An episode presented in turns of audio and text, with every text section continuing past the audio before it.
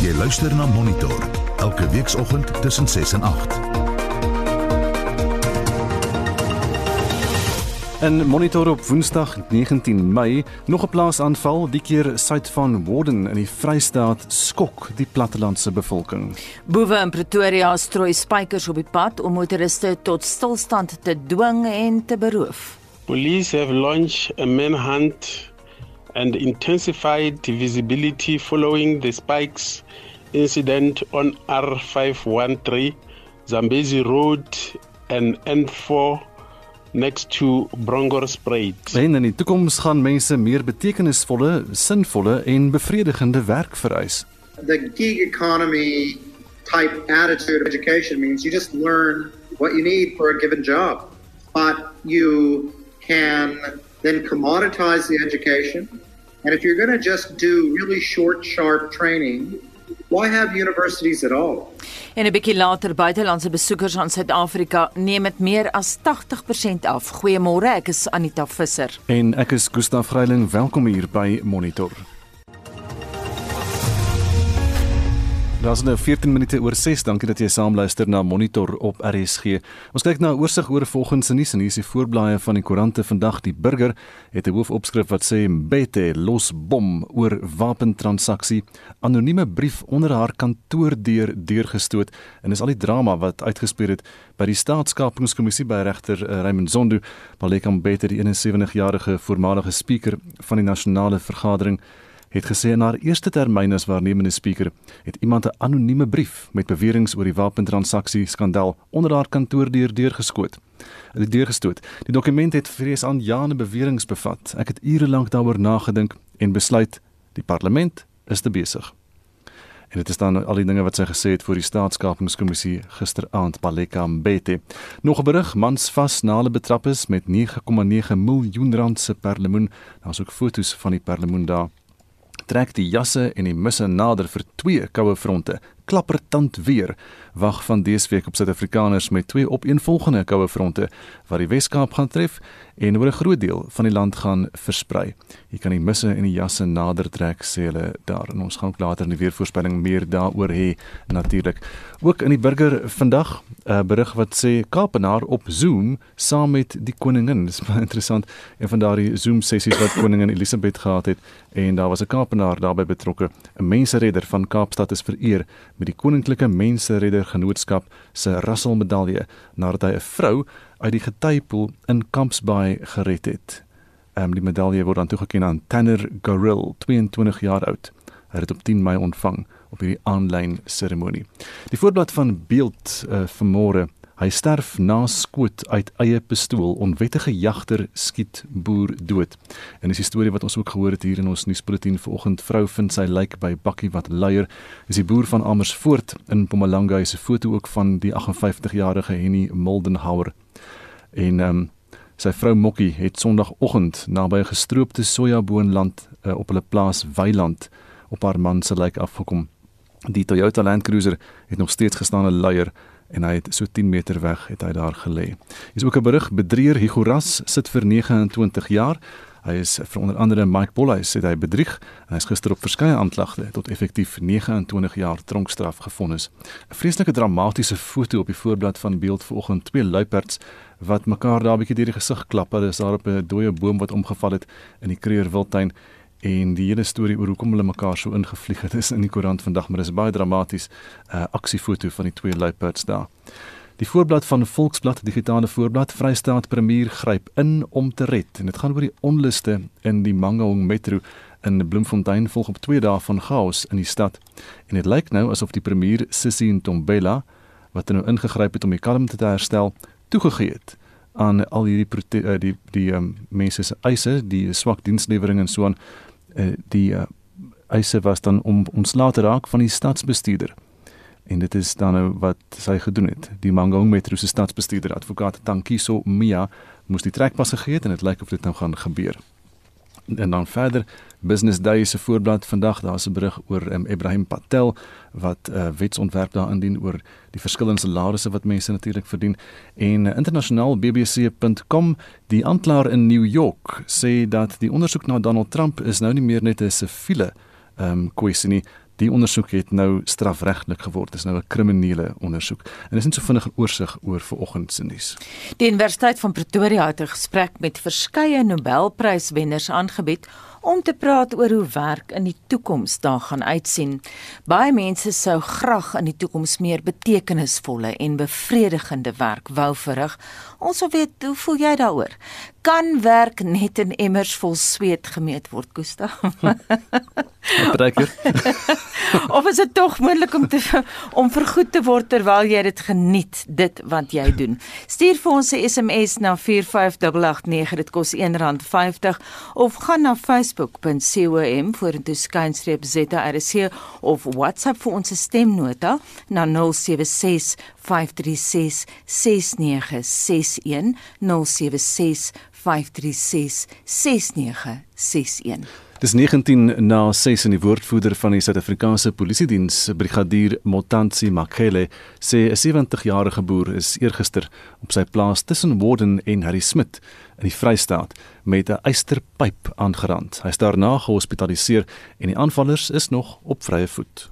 It is alleged that on uh, 17th of May 2021 around 1935 in the evening, the farmer from the Puena Farm district Warden was from Ezenzelene township arriving after dropping the employees. Apparently, as he packed the vehicle and getting out of it, he was surprised by five men wearing balaclavas, and one of them was in possession of an iron pipe. The person struck him with it on the body and screamed for help. The wife heard the noise and pleaded with the suspects to leave him alone, and they fled from the scene.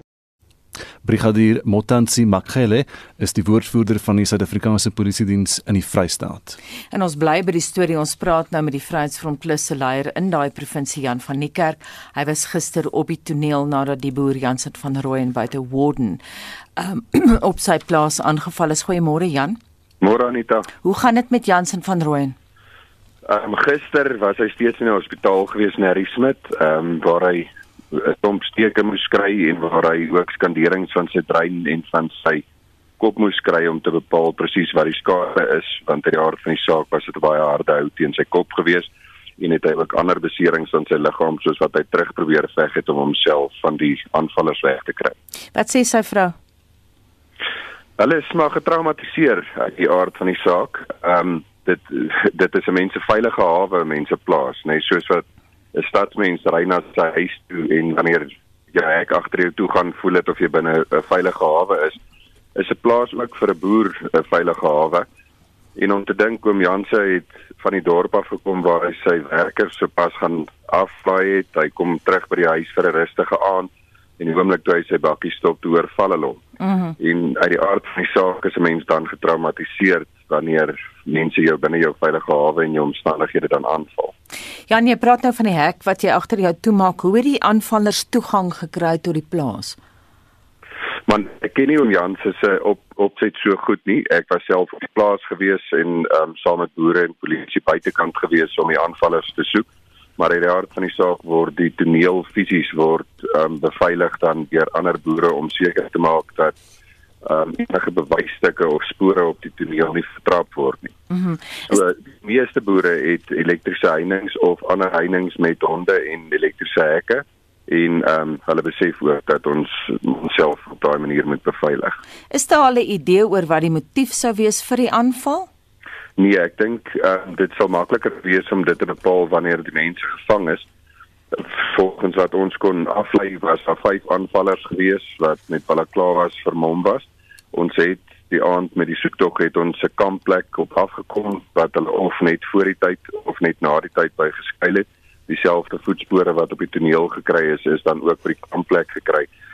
Maar hulle is steeds op vrye voet.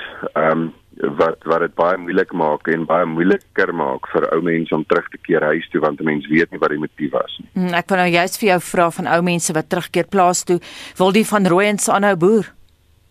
Dit is moeilik om te sê. Hulle sal verseker aan 'n boer, oom Janse is is 'n mens wat sommer net gaan lê nie. Hy sal verseker aangaan en boer en sy ehm um, kinders is ook op die plaas. Maar ehm um, uit die aard van die saak verander mense omstandighede en ek dink vir 'n tyd lank is 'n mens nie meer in die veilige hawe waar jy voor die tyd was nie. Baie dankie vir daai inligting dit aan Jan van die Kerk leier van die Vryheidsfront Plus in die Vrystaat. Dis 23 minute oor 6 jy's by Monitor nou 'n verdoemende verslag oor korrupsie, bedrog, wanbestuur en nepotisme in die Omsobomvu plaaslike munisipaliteit dis nou in die Noord-Kaap en dit sluit die dorp Koelsberg in is deur die munisipale raad daar oorweeg en ons praat vanoggend verder hieroor met die DA se hoofsweep in daardie raad Johan Matthee. Johan, goeiemôre. Môre Gustav. Kan jy vir ons kortliks net sê so min of meer wat staan in daardie verslag? Gustav sê jy heeltemal reg gesê en daar was 'n ondersoek gel, uh, gelas gewees deur die premier se kantoor na klagtes van inwoners van die dorp en daar was bevind daar is 'n aantal onreëlmatighede wat dui op korrupsie, nepotisme en wanadministrasie. En watter aanbevelings word nou in die verslag gemaak? En daar's 'n aantal aanbevelings Gustaf. Ehm um, daar is so uh, die raad sou optree teen die uit die mense wat uitgewys is. Ehm um, die raad het so gou soos maandagooggend 10:00 die verslag die eerste keer ter tafel geneem en daar is besluit gewees dat daar so met 'n onafhanklike persoon uh, aangestel word uh, die raad kan nie self die verslae en die verduidelikings van die mense inwin nie. Jy kan nie as skeieregter en speler gelyktydig wees nie. Ehm um, daar word nou nog uh, getop oor wie presies ehm um, die ondersoek sal lei. Dan is daar ook vir die mense wat geïmpliseer is, uh, 10 dae tydperk gegee om daarop te reageer. Die raad het besluit dat die burgemeester word afgevaardig om met die LER in gesprek te tree om die 10 dae wat ons uh, voel is eintlik onbillik want dit is nie 10 werkdae nie, dit is 10 werklike dae. Ehm um, dat dit verleng sal word na 20 dae en dan hulle die geleentheid gee en in daai tydperk dat die LER e ook dan sal besluit wie sal die middelman wees wat hierdie proses gaan hanteer. Wie het hierdie ondersoek gedoen? Wie het die verslag saamgestel? Ehm um, Gustav, dit is 'n gesamentlike ondersoek gewees deur 'n uh, forensiese span wat die premier aangewys het, sowel as die valke. Die valke het uh, spesifiek ondersoek ingestel na 'n uh, 2.2 miljoen rand wat verdwyn het uit die munisipale koffers uit. Ehm uh, maar dit is nou 'n saak wat nou al 'n geruime tyd duur. Ehm um, net so 'n klein bietjie agtergrond daaroor. Uh, die persoon wat uh, ons betaalklerk was in die munisipaliteit het oor 'n tydperk van 6 jaar stelselmatig omdat hy toegang tot die finansiële stelsel gehad het het hy geld bietjie vir bietjie vir bietjie na sy eie rekeninge toe gekanaliseer op baie bedrieglike manier op so 'n manier dat die ouditeur-generaal dit nie eens kon opgetel het nie. Maar goed, die man het nou intussen tyd sy afgedank en hy het al in die hof verskyn. So dit vorm als deel van die verslag. Nou is Sambo natuurlik die munisipale werkersvakbond. Hulle sê die burgemeester het die verslag probeer wegsteek. Wat is jou kommentaar daarop? Dit is gewoon nie waar nie. Nadat die LER meneer Benkie was en sy span die verslag aan die raad oorhandig het, was die dokument nog nie 'n openbare dokument nie. Nou allereers so 'n dokument dan ter tafel geneem is, is dit 'n openbare dokument. Maar dis nie Ten staan die kantoor van die LER die verslag aan die media gelek en die Diamondfield Advertiser in Kimberley daar daaroor berig. Samuel het ook 'n kopie daarvan bekom. So die verslag was glad nie weggesteek nie. Dit was al reeds uh, openbare kennis gewees al nog voordat hy voor die raad gedien het. Maar hoe is dit dat jy weet dat wandade soos jy nou beskryf het so lank ongestraf kon bly? Weet jy, ehm um, dit is jy moet mooi verstaan dat 'n uh, raadstel net sy munisipale bestuurder aan en senior bestuurders. Hmm.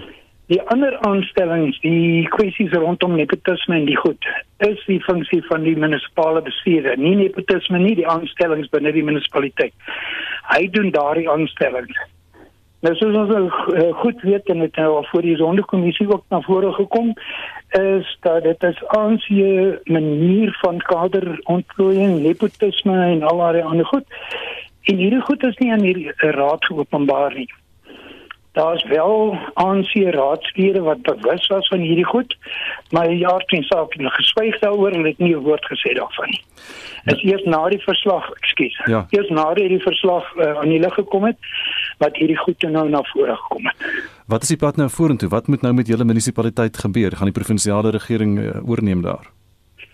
Ehm um, nie vir die oomblik nie. Nee. Daar was wel 'n dreigement gewees, 'n mondelingse dreigement deur die deur meneer Was, die LR toe hy oor die raad besoek het. Hy het in daai rigting gepraat dat die raad onder administrasie geplaas gaan word. Dit is baie voortydig. Daar is prosesse om so iets te doen. En hierdie verslag moet nou eers onder onder die hand geneem word. Moet behoorlik ondersoek word. Ehm um, daarna sal die LER seker oordeel oor die verduidelikings wat gekry is en dan die pad vorentoe aandui. Wat van die kontant? Waar is die geld? Uh, kan hulle die geld terugkry? Ja, inderdaad, die die geld is nou spesifiek 2.2 miljoen waarna ons nou waarna ek reeds verwys het. Ehm um, daar word beslag gelê op die betrokke persoon se pensioengeld. Daar word beslag gelê op eiendom en uiteindelik behoort ons daarmee die 2.2 miljoen rand terug te kry wat eintlik maar belastingbetalers geld is wat in die koffers van die munisipaliteit hoort.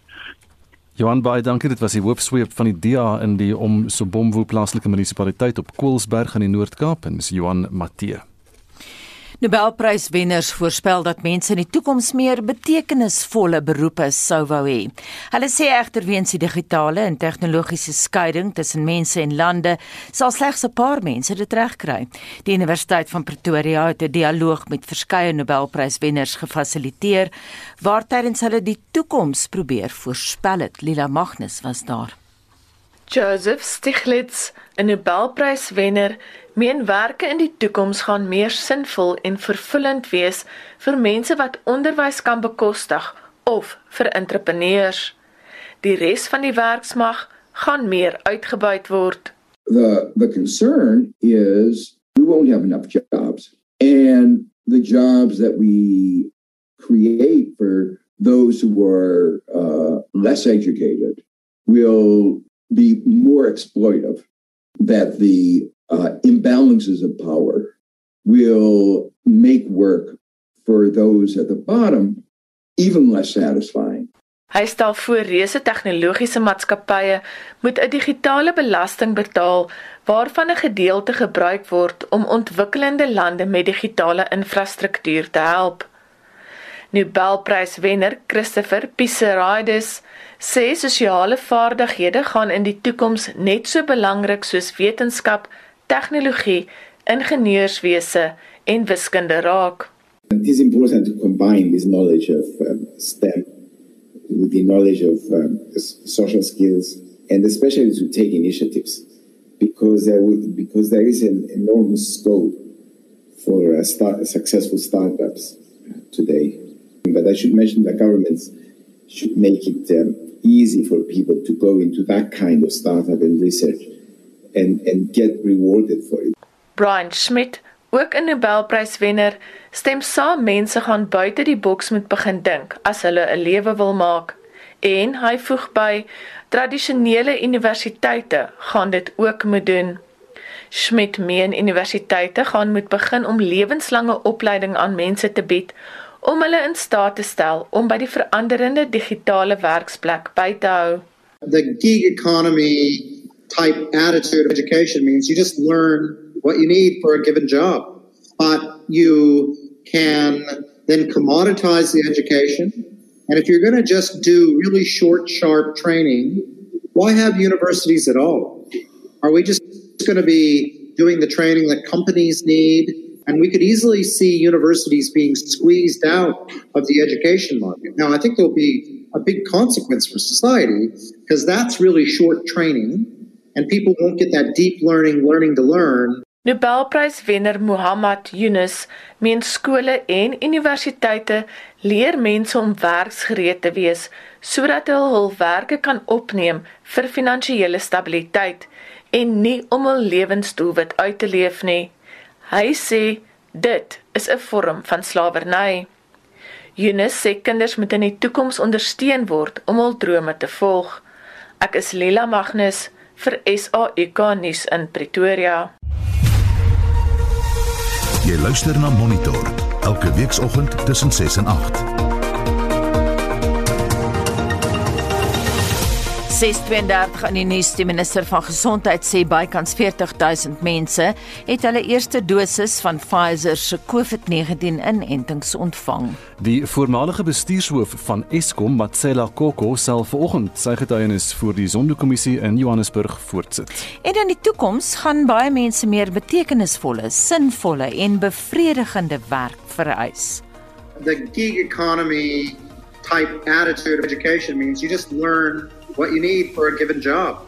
But you can then commoditize the education. And if you're going to just do really short, sharp training, why have universities at all? En so voorspel Nobelpryswenners aan die Universiteit van Pretoria hulle deelgeneem daarin 'n konferensie bly ingeskakel vir daardie storie later in Monitor. Is dit wat sê ons mense vanoggend? Chrissy van der Merwe sê jy sorg mos dat jy 'n beroep kies wat jou passie is as jy so gelukkig is. Vandag moet jy net bly wees as jy 'n werk kry. Jy kan altyd in jou persoonlike lewe iets doen wat betekenisvol is.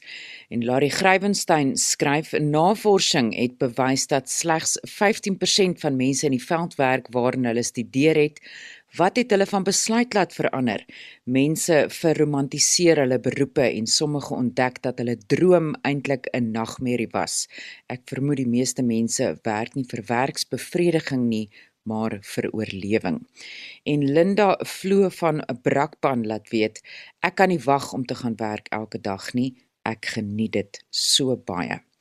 Ons ehm um, wil van ons praat vandag oor baie mense sou graag in die toekoms meer betekenisvolle en bevredigende werk wou verrig en ons wil vandag by jou weet hoe voel jy daaroor? Kan werk net in emmers vol sweet gemeet word of is dit tog moontlik om vergoed te word terwyl jy ook geniet wat jy doen. Stuur vir ons 'n SMS by 45889 teen R1.50 per SMS. Gemaak 'n draai op ons Facebookblad by facebook.com vorentoe skynstreep ZARSG of WhatsApp vir ons stemnota na 076 536 6961. Dis 22 minute voor dit ons kom by Sivier ons beweeg nou na die sportveld hier is Shaun Jooste. Ons val weg met rugby nuus. Wêreldrugby het gister aangekondig dat aanstaande jaar se sewees wêreldbeker toernooi in Suid-Afrika van 9 tot 11 September in Kaapstad gehou sal word. 24 mans en 16 vroue spanne gaan deelneem. Die Blitsbokke en ons vroue span kwalifiseer outomaties as gasheere. Kriket. 'n Voorlopige groep van 18 spelers is bekend gemaak vir die Wes-Indiese eilande se volgende 3T20 reekse. Dit is teen Suid-Afrika, Australië en Pakistan. Die Proteas sal teen ou bekendes soos Chris Gayle, Andre Russell, Dwayne Bravo en die kaptein Kieran Pollard te staan kom. Die Protea Tour vind van 10 Junie tot 3 Julie plaas en sluit twee toetse in. Die Suid-Afrikaanse A-span wat tussen 29 Mei en 16 Junie in vier eendag en twee vierdag wedstryde in en teen Zimbabwe in aksie sal wees, is ook bekend gemaak. Zubair Ramza is aangewys as kaptein en Andile Petlekwayo, Risa Hendriks en Dwayne Pretorius is in die eendagspan ingesluit. Sokker. In gisteraand se Engelse Premier Liga aksie het Chelsea 2-1 teen Leicester City gewen. Brighton en Hove Albion het Manchester City met 3-2 verras. Leeds United het weg 2-0 teen Southampton geseëvier en Manchester United en Fulham met 1-1 gelyk opgespeel. United is nou verseker van hulle tweede plek asook hulle Kampioenligga status vir volgende seisoen. Vanaand se weer speel Everton teen Wolves, Newcastle United teen Sheffield United en Tottenham Hotspur teen Aston Villa. 8uur kom Crystal Palace teen Arsenal. Kwart oor 9 Burnley teen Liverpool en West Brom ook kwart oor 9 teen West Ham United te staan. In die DStv Premier League het Chippa United 2-1 teen Bloemfontein Celtic verloor en die wedstryde tussen Baroka FC en Chakuma FC, asook Marokko Swallows en Stellenbosch FC kon geen doele oplewer nie. Golden Arrows draf vanmiddag 3 uur teen TS Galaxy en Cape Town City 5 uur teen Maritzburg United op die veld uit. In laastens in tennisnuus. Suid-Afrikaanse Lloyd Harris moes weens 'n rugbesering uit sy eerste ronde wedstryd in Lyon in Frankryk teen die plaaslike Gaël Monfils onttrek, maar beoog om gereed te wees vir die Franse Ope wat die 30ste Mei begin. Die voormalige wêreldnommer 1 Roger Federer het ook sy terugkeer gister in sy geboorteland Switserland by 'n manstoernooi gemaak maar was met 6-4, 4-6 en 6-4 deur die Spanjaard Pablo Andujar uitgeskakel. En die derde keer is Suid-Afrikaner Ryan Klassen en sy spanmaat van Japan Ben McLaughlin het in die eerste ronde van die dubbelspel afdeling in Switserland met 6-3 en 7-6 met die Britse paar Luke Bambridge en Dominic Inglet afgereken. Shaun Schuster, SAK Sport. Uitspraak in die borgtog appel aansoek van Zain Kilian sal na verwagting maandag per e-pos in die Wes-Kaapse Hooggeregshof gelewer word. Kilian word aangekla van die moord op die speurder Shal Kinnear in September verlede jaar buite sy huis in Bishop Lywes. Sy aansoek om borgtog is in Maart in die Belwel streekshof van die hand gewys. Die voormalige rugbyspeler is daarna die moord op Kinnear in hegtenis geneem. Tanya Krause die besonderhede. Sein Kilian se regsverteenwoordiger sê die landdros wat sy borgaansoek in die Belwel streekshof van die hand gewys het, het 15 foute begaan met die besluit om nie borg toe te staan nie. Dit sluit onder meer in dat landdros Nonkosi Saba Kilian se verweer verkeerd verstaan en dat sy verkeerdelik tot die gevolgtrekking gekom het dat daar 'n prima facie saak teen hom is. Kilian is een van 3 mense wat onder meer die beweerde rampokkerbaas Nafis Moudek insluit wat tereg staan op die moord op die polisieman. Die staat voer aan dat Kilian Kneer se selfoon meer as 2000 keer nagespoor het tot die dag van sy moord in September verlede jaar. Hy staar ook aanklagte in die gesig wat verband hou met die poging tot moord op die Kaapstadse prokureur William Booth. Die woordvoerder vir die nasionale vervolgingsgesag, Erik Ntabazalila. Like we have done previously, we tried to show that he is not a just a pinga or a minor player as he has tried to portray himself. He is a, at the core of almost everything that was happening. You'll remember this is a man who was pinging uh, the deceased and Mr. Booth until just after the, uh, the, the late colonel was, was killed and until just after there was an attempt on Mr. Booth's uh, uh, on his life. And also you'll find that he did not only ping them, he sort of profiled them. He kept their na- names, names, bond accounts, where they stayed, their pictures, and it was far more than just a minor pinging thing that he was doing.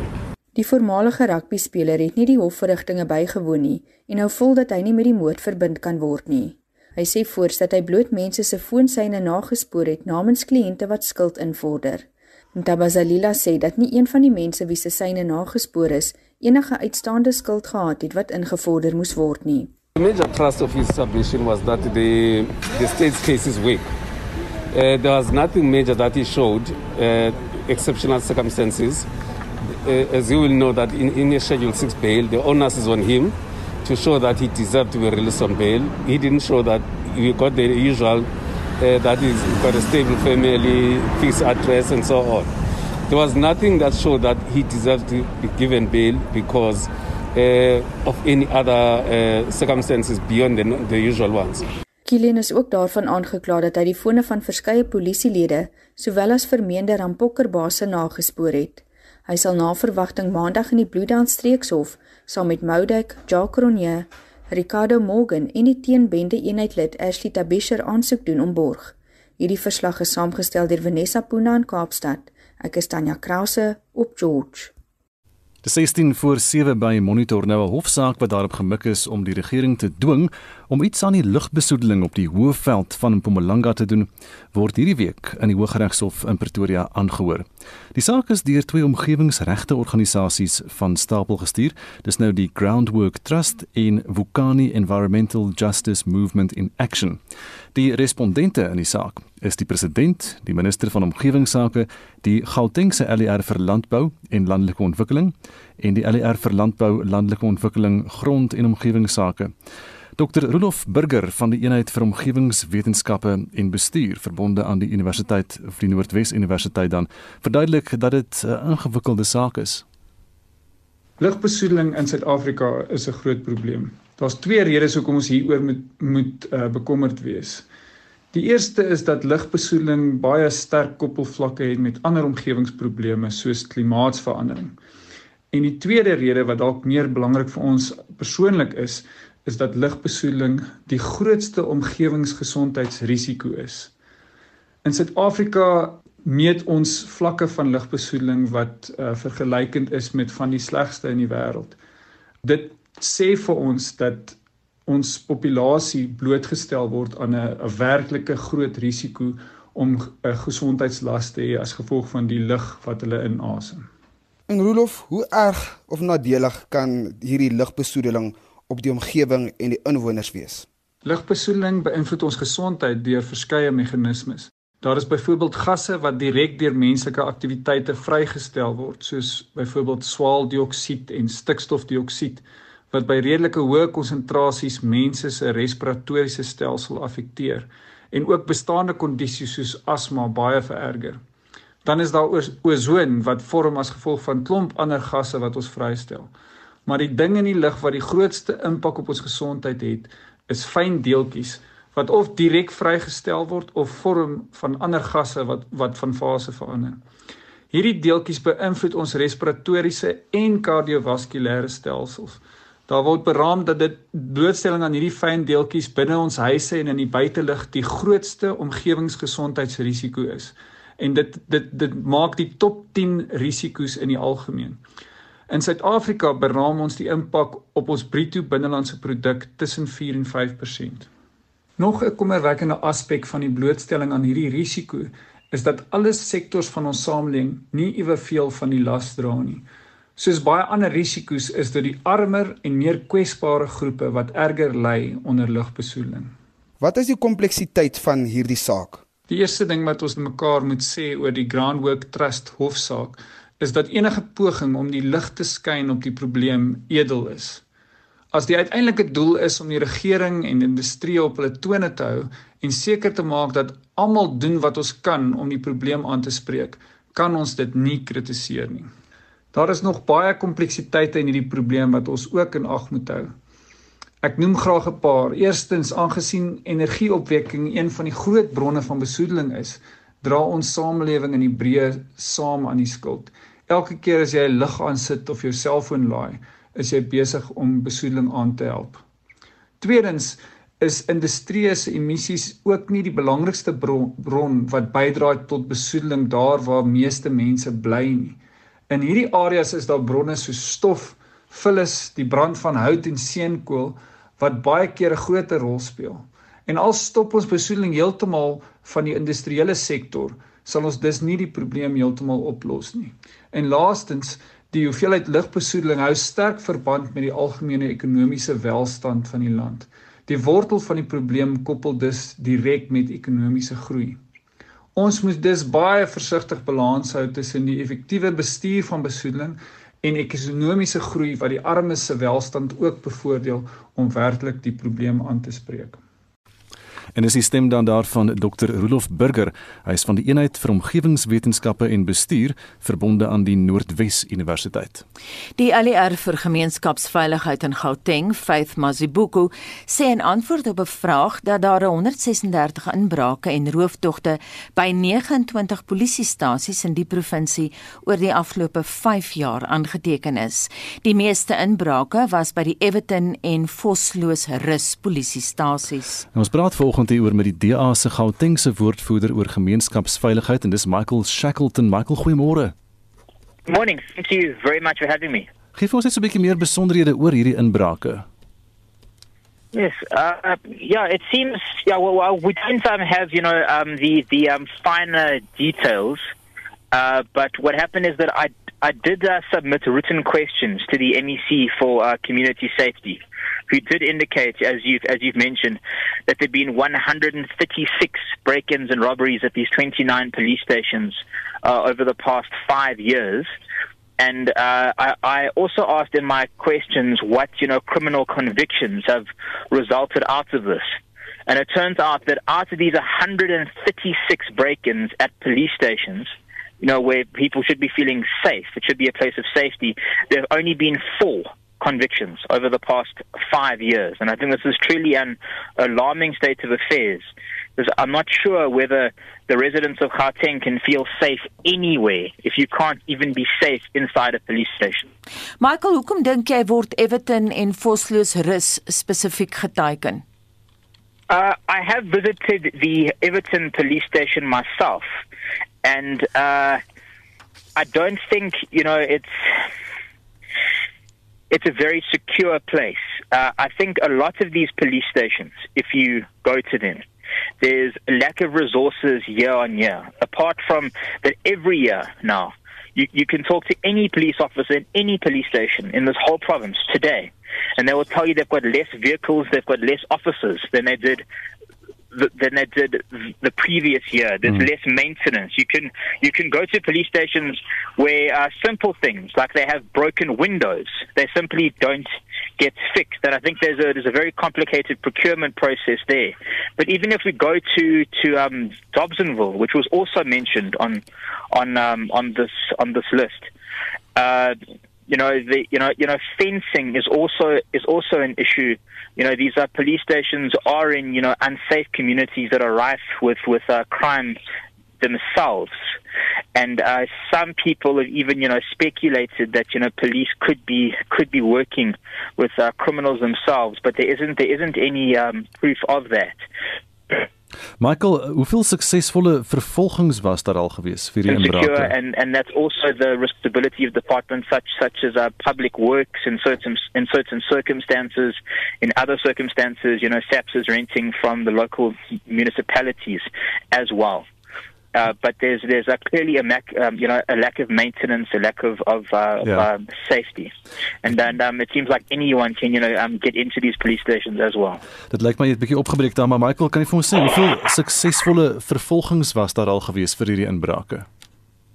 Uh, I, I do apologize, and and I, I, I don't mean to cause any offence to the to the listeners for my for my English. Yes, right. uh, but I didn't capture the last word after successful. So vervolgings, how many successful prosecutions? Oh yes.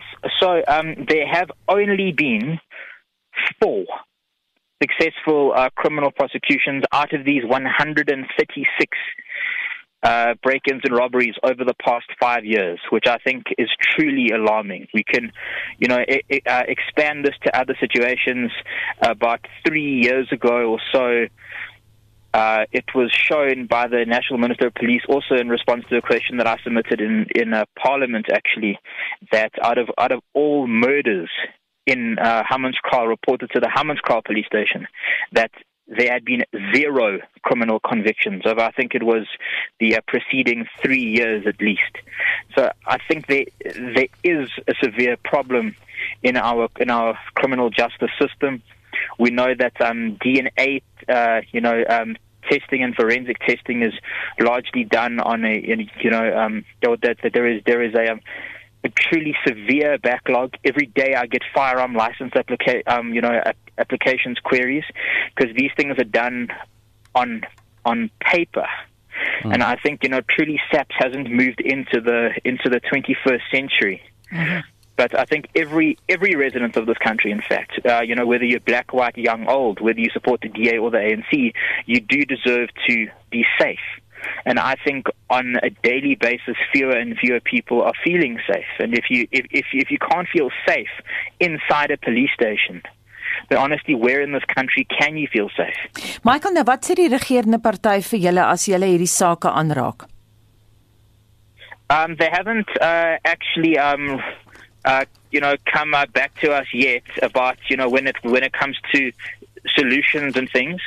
Uh, we have we have called on the uh, MEC for Community Safety, Faith Mazubuko, to put urgent measures in place to uh, mitigate this uh, disaster. But we also know that here in the province of Gauteng, because SAPS is a national issue, we have oversight over the uh, over the police, and so we uh, also need to engage with our national counterparts in Parliament to put to put pressure onto the onto the national government as well. But you know, uh, it, it's clear to us at least, you know, that uh, the national government has been armed with these stats, you know, over the past five years, and they uh, simply haven't taken appropriate action and appropriate steps. And instead of reinforcing the police and also reinforcing safety at police stations, all we see is a lack of resources at every police station in Gauteng every single year. You can ask any police officer about this. These are these are uh, simply facts. Michael, so I think we have to place as much pressure as you possibly can. Michael Bey, dankie. Michael Shackleton is die DA se Gautengse woordvoerder oor gemeenskapsveiligheid. En ons bly by misdaad in Gauteng. Die polisie in Swane het hulle pogings teen misdaad verskerp en met 'n bewusmakingsveldtog begin na toenemende aanvalle op niks vermoedende motoriste in en om Pretoria. Dit kom nadat 'n 20-jarige vrou geskiet en beroof is terwyl sy haar motorband wou omruil. Die verdagtes maak gebruik van spykers op die pad om motoriste tot stilstand te dwing en uit hulle motors te kry. Vincent Mofokeng doen verslag.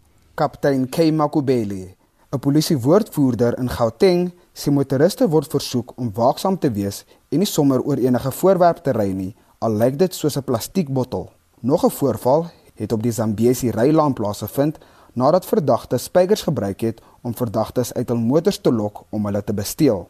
Makubele sê die polisie is steeds op soek na die verdagtes. Police have launched a manhunt and intensified visibility following the spikes incident on R513 Zambezi Road and N4 next to Brongorsspruit.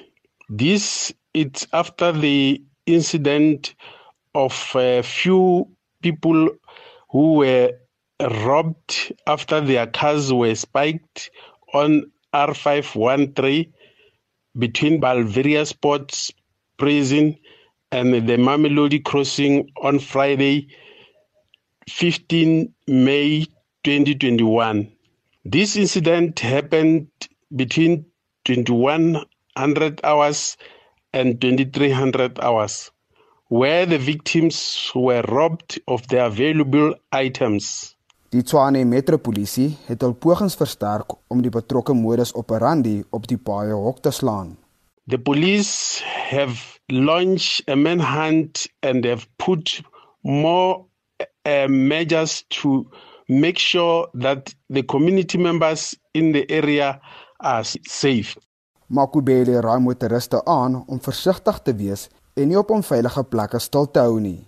What we can also advise to the motorist is that when they drive and pass those areas at night when they see that their cars have been had a flat tire they must not stop in the vicinity.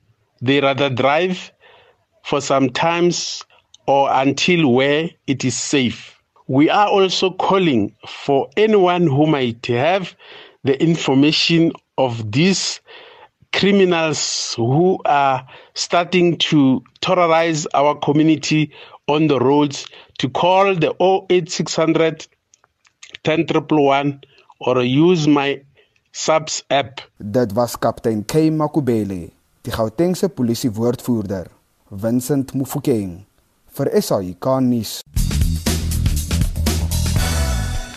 Vinnige SMS terugvoering Estie. 'n Luisteraar sê sedert ek in 1987 begin skool hou het, het alles in die onderwys soos handomkeer verander, maar ek was toe dolgelukkig en ry steeds elke dag met 'n lied in my hart skool toe. Blydskap en vervulling kom van binne. En Maddie skryf ek geniet my werk elke dag. Ek is al 34 jaar 'n haarkapper in die Parel.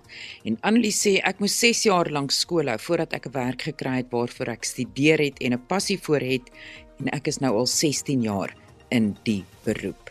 En 'n luisteraar sê ek is 'n onderwyser en geniet elke dag by die werk. Ek leer elke dag iets by die kinders. Laat weet vir ons wat se beroep jy beoefen en of jy gelukkig is in daardie beroep en of jy eerder 'n passie het vir iets anders.